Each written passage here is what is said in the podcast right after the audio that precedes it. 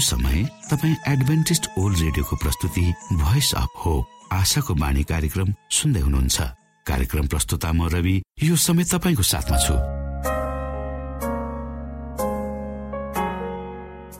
परमेश्वरले भन्नुभएको छ तिमीहरूका कानले सुन्नेछौ बाटो यही हो यसैमा हिँड। श्रोता आशाको बाणी कार्यक्रमले हामीले चुन्नु पर्ने बाटोको विषयमा हामीले हिँड्नु पर्ने बाटोको विषयमा जानकारी गराउने गर्दछ। धेरै धेरै बाटाहरूको बीचमा कुन चाहिँ बाटो रोज्ने भनेर अलमलिएको मनलाई परमेश्वर तर्फ फर्काउन परमेश्वरको सत्यतालाई बुझ्न आशाको बाणी कार्यक्रम नियमित सुन्नुहोस्। तपाईँले सही बाटो सत्य जीवन र प्रभु येशु क्रिस्टलाई भेट्नुहुनेछ। आउनु श्रोता हामी हाम्रो मुख्य कार्यक्रममा जानु अगाडि आज पनि सुन्नेछौ यो मधुर क्रिस्टीय भजन।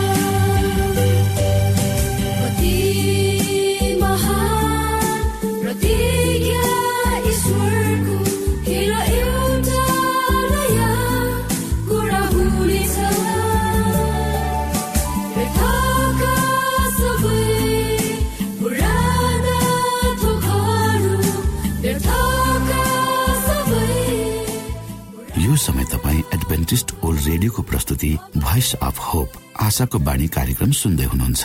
श्रोता मित्र यो समय हामी पास्टर उमेश पोखरेलबाट आजको बाइबल सन्देश सुन्नेछौ।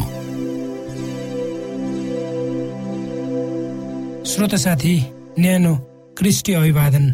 म तपाईँहरूको आफ्नै आफन्त अर्थात् पास्टर उमेश पोखरेल परमेश्वरको वचन लिएर यो रेडियो कार्यक्रम मार्फत तपाईँहरूको घर आँगनमा उपस्थित भएको छु। मलाई आशा छ तपाईँ हाम्रो कार्यक्रमलाई नियमित सुन्दै हुनुहुन्छ र यसबाट प्रशस्त आशिषहरू प्राप्त गर्दै हुनुहुन्छ। आजको प्रस्तुतिलाई पस्कनुभन्दा पहिले आउनुहोस् हामी परमेश्वरमा अगुवाईको लागि प्रार्थना राख्नेछौँ। जीवी जिउँदो महान दयालु परमेश्वर प्रभु हामी धन्यवादी छौँ। तपाईँको पुत्र प्रभु यीशु क्रिस उहाँको प्रेम र बलिदानको लागि। प्रभु यो रेडियो कार्यक्रमलाई हामी तपाईँको हातमा राख्दछौँ। यसलाई तपाईँको राज्य महिमाको प्रचारको खातिर यो देश र सारा संसारमा तपाईँले पुर्याउनुहोस् ताकि धेरै मान्छेहरूले तपाईँको ज्योतिलाई देख्न सकुन् र तपाईँको राज्यमा प्रवेश गर्न सकुन्। सबै बिन्ती प्रभु यीशुको नाममा। आमेन।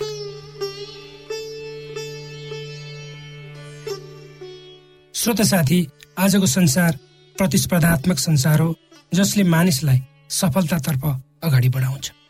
यो प्रतिस्पर्धा आर्थिक सम्पन्नता शैक्षिक उपलब्धि र खेलकुद सम्बन्धी र अरू पनि हुन सक्छन्। हाम्रो जीवनमा हामीले धेरै किसिमका देखिने वा नदेखिने प्रतिस्पर्धा दिन प्रतिदिन गर्दछौँ।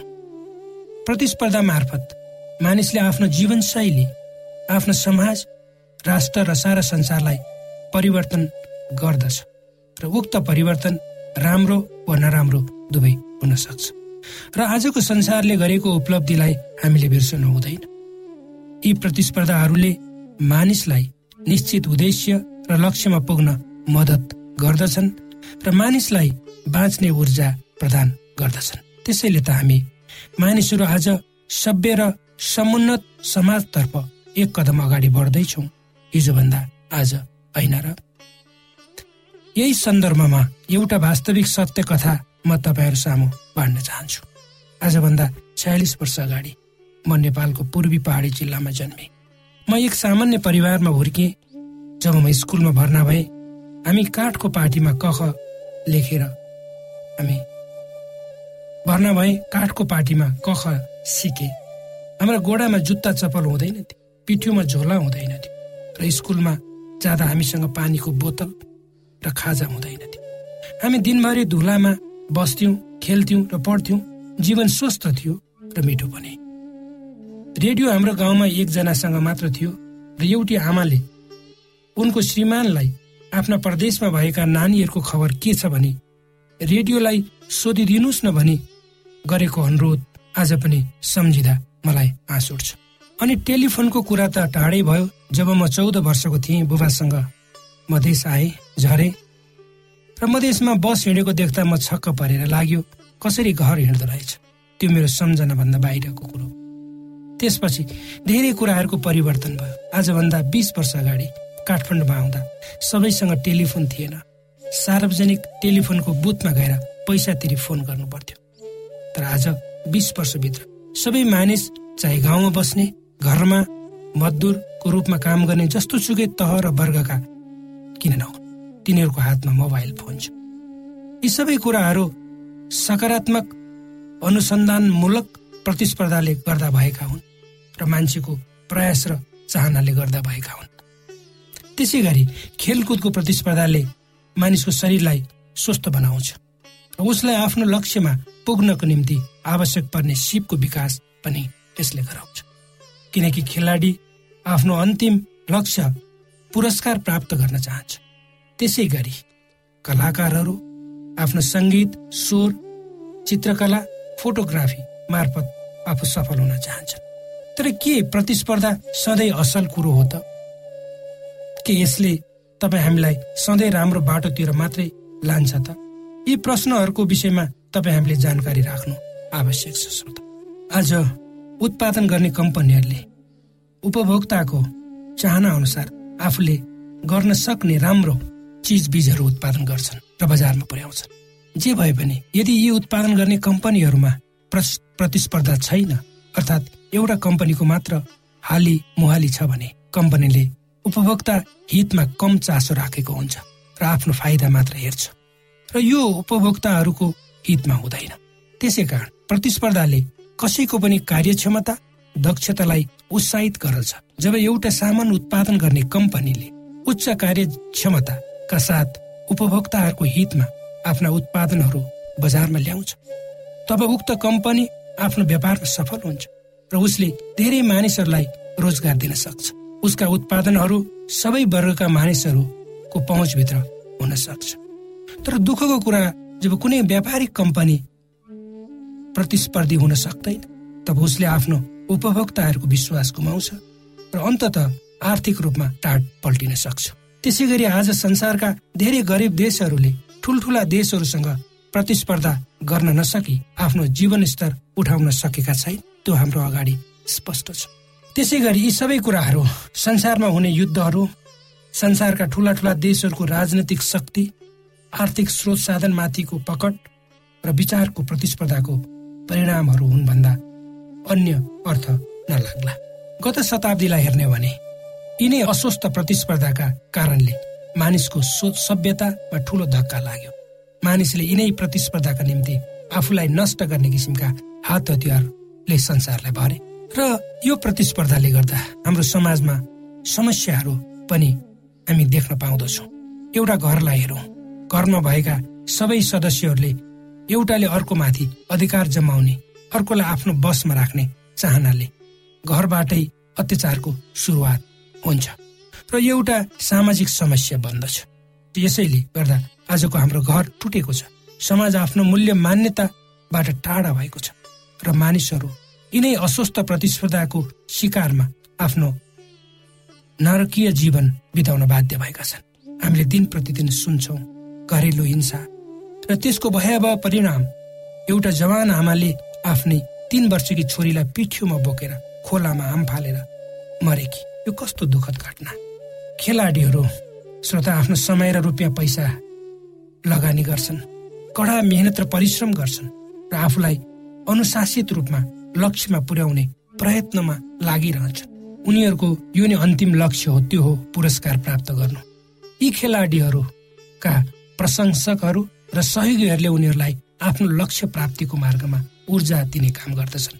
प्रतिस्पर्धात्मक खेलहरूमा भाग लिने मानिसलाई शारीरिक रूपमा स्वस्थ हुनु र उसलाई अनुशासित रूपमा आफ्नो चरित्र निर्माण गर्न सहयोग पुर्याउँछ। जसको कारण खेलाडीहरूमा आफूलाई सम्मान गर्ने र अरूको पनि सम्मान गर्ने भावना हुन्छ र एक अर्कामा सहयोग लिने दिने काममा खेलाडीहरू अगाडि हुन्छन्। धेरै समय अगाडि यो संसारमा नराम्रो प्रतिस्पर्धाको सुरुवात भयो श्रोता जसले मानव जाति र यो ग्रहलाई नै खतम पार्ने कोसिस गर्यो। र आज यो संसारमा भएका देखिएका समस्याहरूको कारण पनि त्यही हो। यो समस्या समाधान गर्न परमेश्वरले आफ्नो एकमात्र पुत्र संसारको खातिर दिनुभयो। जुन संसार दुःख र कष्टले छटपटाइरहेको थियो कहिले पनि निको नहुने पीडाबाट गुज्रिरहेको थियो। उक्त कुरा पवित्र धर्मशास्त्र बाइबलको यहुन्ना तीन अध्यायको पन्ध्र पदमा यसरी लेखिएको छ। आउनुहोस् हामी पढौँ पवित्र धर्मशास्त्र बाइबलको यहुन्ना तीन अध्यायको सोह्र पद। किनभने परमेश्वरले संसारलाई यस्तो प्रेम गर्नुभयो। उहाँले आफ्नो एकमात्र पुत्र दिनुभयो ताकि उहाँमाथि विश्वास गर्ने कोही पनि नाश नहोस् तर त्यसले अनन्त जीवन पाओस्। श्रोता यसुले आफूलाई मानवताको क्याप्टेन बनाउनु भयो र उहाँ पृथ्वीको भूमिमा आउनुभयो र उहाँको शरीर रगत जसले मानवताको विरुद्धमा लडे र जीवनको खेलमा विजय भए। कसैले कहिले पनि उहाँको जित्ने तौर तरिकाको कल्पना गरेका थिएन फेरि कहिले पनि गर्नु पर्दैन किनकि युद्ध जितिसकिएको छ। श्रोत साथी यो ब्रह्माण्डमा सबै कुराहरू ठिकठाक थियो। परमेश्वरको एकतामा यो चलिरहेको थियो। शैतानले केही परमेश्वरको दूतहरूलाई आफ्नो पक्षमा पार्न सफल भयो र विवाद परमेश्वरका जन र शैतान बीच सुरु भयो जुन कुरा पवित्र धर्मशास्त्र बाइबलको इजिकेल भन्ने पुस्तकको अठाइस अध्यायको बाह्रदेखि अठार पदमा यसरी लेखिएको छ। आउनुहोस् हामी पढौँ। इजिकेल अठाइस अध्यायको बाह्रदेखि अठार पद। हे मानिसको छोरो टुरोसका राजाको विषयमा विलाप गर। त्यसलाई भन् परमप्रभु परमेश्वर यसो भन्नुहुन्छ। तँ त सिद्धताको एक नमुना थिइस् र बुद्धिले पूर्ण सर्व सर्वाङ्ग सुन्दर। परमेश्वरको बगैँचा अदनमा त थिइस् हरेक बहुमूल्य पत्थरले त सिँगारिएको थिइस्। मानिक पुष्पराज पन्ना पितमडी आनिक्स बिल्लोर निर फिरोजा बेरुजले त आभूषित थिइस् तेरा मडी घरहरू सुनले मोरिएका थिए। त सृजेको दिनमा ती तयार पारिएका थिए। अभिभावक करूप हुनलाई त अभिषेक गरिएको थिइस्। किनकि त्यसरी नै मैले तँलाई नियुक्त गरेको थिएँ। परमेश्वरको पवित्र पर्वतमा त थिइस्। अग्निमय पत्थरका बीचमा त थिइस्। त सृजिएको दिनदेखि नै तम अधर्म फेला नपरेको दिनसम्म तेरा चाल ढङ्गमा त दोष रही थिइस्। तेरा चारैतिरका व्यापारद्वारा त उपभद्रले भरिस र तैँले पाप गरिस्। त्यसैले मैले तँलाई परमेश्वरको पर्वतबाट अपमान गरी खेदिदे। हे अभिभावक रूप तैले मलाई अग्निमय पत्थरहरूका बीचदेखि तपाइदिए तेरो सुन्दरताले गर्दा तेरो हृदय घमण्डले फुलियो। तैले आफ्नो गौरवको कारण तेरो बुद्धिलाई भ्रष्ट पारिस। यसैले मैले तँलाई जमिनमा फालिदिए राजाहरूका अघि मैले तँलाई तमासा बनाइदिए तेरा धेरै पापहरू र बैमान व्यापारद्वारा तैँले मेरो पवित्र स्थानलाई बिटुलो पारेको छस्। यसैले गर्दा मैले तँबाट एउटा आगो निकालिदिए। त्यसले नै तँलाई भस्म पार्यो। तँलाई निल निहालेर हेर्नेहरू सबैका दृष्टिमा मैले तँलाई जमिनमा खरानी तुलाइदिए। ओ श्रोता सैतानलाई परमेश्वरले कसरी स्वर्गबाट खसाउनु भयो भन्ने कुरा यहाँ लेखिएको छ। यसले देखाउँछ सैतान र उसको समूह पराजित भयो। तर ऊ र उसको समूहले आदम र हवालाई परीक्षामा पारी संसारलाई आफ्नो कार्यक्षेत्र बनायो र आदम र हवा पापमा परे। त्यसपछि मानिसहरू कमजोर भए मृत्युले उनीहरूलाई गाँच्यो तर सैतान पृथ्वीमा आउनुभन्दा पहिले नै परमेश्वर पिता उहाँको पुत्रले एउटा निर्णय गर्नुभएको थियो त्यो हो मानिसलाई बचाउने। त्यसै अनुसार पुत्र यसो क्रिस यो संसारको खेलमा होमिनु भयो र आफ्नो जीवन सैतान विरुद्धको युद्धमा दिनुभयो र सैतानमाथि विजय हुनुभयो। यसुको जीवन मृत्यु र पुनरुत्थानले उहाँका जनहरूलाई जीवन दिएको छ आशा दिएको छ। र यो खेलमा सबै तपाईँ हामी प्रतिस्पर्धी छौँ। र कसैले पनि हार्नु पर्दैन। यसुले तपाईँ हामी उहाँसँग यो खेलमा भाग लिन आमन्त्रण गर्नुहुन्छ ताकि हामी उहाँसँगको खेलमा सहभागी भई विजय जीवन बिताउन सकौँ। परमेश्वरले यी वचनहरूमा तपाईँ हामीलाई आशिष दिनुहोस्। श्रोता भर्खरै यहाँले पास्टर उमेश पोखरेलबाट बाइबल वचन सुन्नुभयो। यो समय तपाईँ एडभेन्टिस्ट ओल्ड रेडियोको प्रस्तुति भोइस अफ होप आशाको बाणी कार्यक्रम सुन्दै हुनुहुन्छ। कार्यक्रम सुनेर बस्नुहुने सबै श्रोतालाई हामी हाम्रो कार्यक्रममा स्वागत गर्न चाहन्छौ। श्रोता मित्र यदि तपाईँ जीवनदेखि हरेस खानु भएको छ तपाईँका जीवनमा धेरै अनुत्तरित प्रश्नहरू छन् भने आउनुहोस् हामी तपाईँलाई परमेश्वरको ज्योतिमा डोहोऱ्याउन चाहन्छौ र तपाईँ आफ्नो जीवनका चिन्ता फिक्रीबाट निश्चिन्त हुनुहोस् र बाँच्नुको आनन्द परमेश्वरको सामिप्यमा कति मिठो हुन्छ त्यो चाख्नुहोस् भनी हामी चाहन्छौँ। श्रोता यदि तपाईँ आशाको बाणी कार्यक्रमलाई अनलाइन सुन्न चाहनुहुन्छ वा डाउनलोड गर्न चाहनुहुन्छ भने डट ओआरजीमा जानुहोस्। त्यहाँ तपाईँले प्रत्येक दिनको कार्यक्रम सुन्न र डाउनलोड गर्न सक्नुहुनेछ। हाम्रो वेब पेज यस प्रकार छ डब्लु डट श्रोता यदि तपाईँ हामीसित सिधै फोनमा सम्पर्क गर्न चाहनुहुन्छ भने हाम्रा नम्बरहरू यस प्रकार छन्। अन्ठानब्बे एकसाठी पचपन्न शून्य एक सय बिस। अन्ठानब्बे एकसाठी पचपन्न शून्य एक सय बिस। र अर्को अन्ठानब्बे अठार त्रिपन्न पन्चानब्बे पचपन्न। अन्ठानब्बे अठार त्रिपन्न पन्चानब्बे पचपन्न। यो आशाको बाणी रेडियो कार्यक्रम हो। म धनलाल राई यहाँहरूलाई यस कार्यक्रममा न्यानो स्वागत गर्दछु। आजको समसामयिक विषयको प्रस्तुतिमा उद्देश्य प्रेरित पुनर्जन्म देश देशभरका आत्मा परिवर्तनका कथाहरू प्रस्तुत छ। स्वीकार्नुहोस्। आजको कथा तर्साउने सपनाहरू आन्टोनियो होसे आब्रेन पश्चिम अफ्रिका। साओ टोमे र प्रिन्सपेको राजधानी साओ टोमे हो। यो पश्चिम अफ्रिकाको समुद्र किनारबाट पर रहेको टापु देश हो। आन्टोनियो साओ टेमोमा कर उठाउने पुलिस अफिसर थियो। तर काम गरेको केही महिनाभित्रै ऊ केटीसँग लाग्दा उसले आफ्नो काम गुमाउनु परेको थियो। त्यस केटीलाई विवाह गर्न ऊ बाध्य भएको थियो। अहिले काम नपाएर भौतारी रहेको आन्टोनियोको जीवन अत्यन्त कष्टकर थियो। एक वर्षपछि रक्सी बनाउने कारखानामा उसले काम पायो। तर आन्टोनियोको वैवाहिक जीवन नारकीय थियो। घरमा सधैँ झगडा हुन्थ्यो। श्रीमतीलाई मनाउन उसले धेरै कोसिस गर्दथ्यो तर आन्टोनियोले उनलाई रिझाउन सकेन। आखिरमा तिनीहरूको बीचमा पारपाचुके नै भयो। केही समयपछि उसको बुबाको मृत्यु पनि भयो। आन्टोनियो अत्यन्तै उदास भयो र जीवनदेखि विरक्त लागेर जाँडसी पिउन थाल्यो। अल्सिना नाउ गरेकी स्त्रीसँग विवाह नै नगरी आन्टोनियो बस्न थाल्यो। तिनीहरूले दुई छोरा र एक छोरो जन्माए। मेरो जीवन अत्यन्तै जटिल भएको थियो। मैले धेरै रक्सी पिउन थालेको थिएँ। घर चलाउन चाहिने पैसा पुग्दैन थियो। आन्टोनियोले विगतको दुःख पोखाउँदै यस कथाका लेखकलाई भन्यो भतभङ्ग भएको जीवनलाई झन भतभङ्ग पार्न आन्टोनियोले अनेकौं नराम्रो सपनाहरू देख्न थाल्यो उसले देखेको अनौठो सपनाहरूदेखि उसको मन काम नथाल्यो साओ टोमेका मानिसहरूले आफूहरूले देखेका सपना अर्थपूर्ण भएको ठान्दछन्। यदि कसैले बाढी आएको सपना देख्यो भने दुःख कष्ट आउँछ भनेर तिनीहरूले विश्वास गर्दछन्। यदि आफ्नो सपनामा स्थानीय फलफुल देख्यो भने त्यो देखिने मानिसको परिवारमा मृत्युको घण्टा बजेको हुन्छ भनेर विश्वास गर्दछन्। तर एक रात आन्टोनियोले देखेको सपनामा बाढी र फलफुल देखेका थिएन। तर उसले सपनामा आफू दुईवटा भरेङहरूको अगाडि उभिरहेको देखेको थियो। र आफूले झोला बोकिरहेको देखेको थियो। एउटा भर्याङ अत्यन्तै फराकिलो थियो भने अर्को भर्याङ साँगुरो थियो।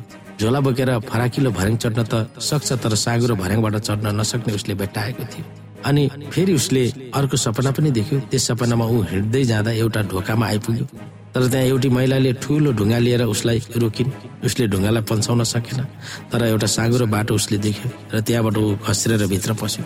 जब ऊ ढोकाबाट भित्र पस्यो तब त्यहाँ एउटा गुफा देख्यो। त्यस गुफामा पानीको पोखरी थियो। कसैले आन्टोनियोलाई पोखरीतिर औल्याउँदै थियो। जब आन्टोनियो बिउछ्यो तब त्यो सपनादेखि चकित भयो।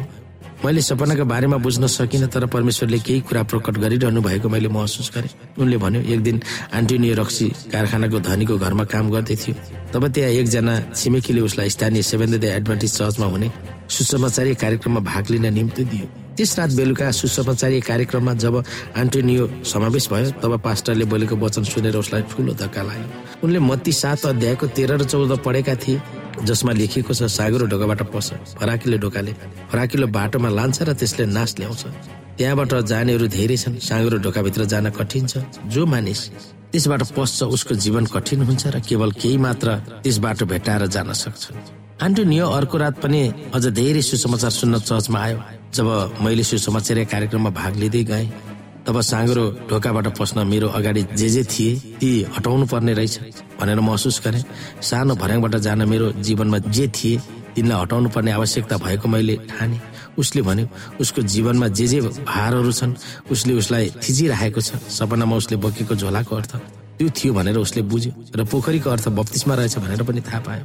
मेरो जीवनमा जुन महत्वहरूले दास बनाइराखेको थियो त्यसलाई हटाएपछि म बत्तिसमा लिन तयार हुनेछु भनेर मैले स्वीकारेँ। नहिचकिचाइकन उसले भन्यो दुवै आन्टोनियो र उसको श्रीमतीले बत्तिसमा लिए र पछि दुवैले औपचारिक रूपमा विवाह गरे। आज वर्ष पैतालिसको आन्टोनियो एउटा काठको काम गर्ने व्यापारको पैसाको हिसाब राख्ने काम गर्दछ। जुन चर्चमा उसले सुसमाचारी प्रचारमा भाग लिएको थियो त्यही चर्चमा आज ऊ डिकन भएर चर्चलाई सहयोग गरिरहेको छ। अहिले उसको जीवन जटिल होइन तर व्यवस्थित भएको छ। म धेरै खुसी छु। हामीलाई सबै थोक दिनु भएकोमा म परमेश्वरलाई धन्यवाद दिँदछु। परमेश्वर प्रति आभारित भएर उसले भन्यो।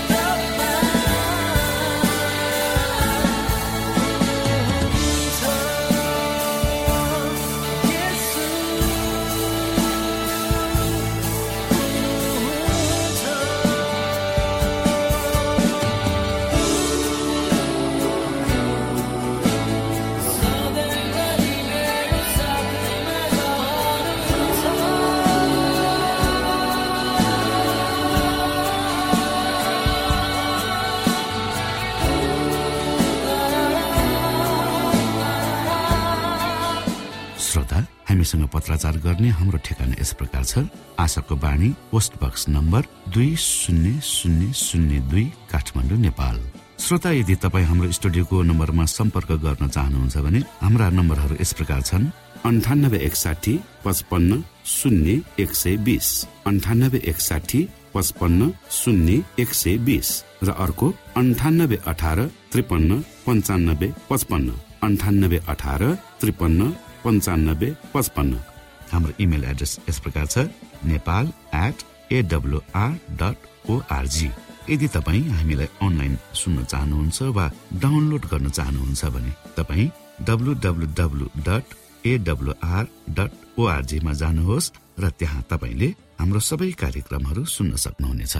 हवस् त श्रोता भोलि फेरि यही स्टेशन र यही समयमा यहाँसँग भेट्ने आशा राख्दै प्राविधिक साथी राजेश आडा पास्टर उमेश पोखरेल र कार्यक्रम प्रस्तुता म रवि। यहाँसँग विदा माग्दछौ। नमस्कार।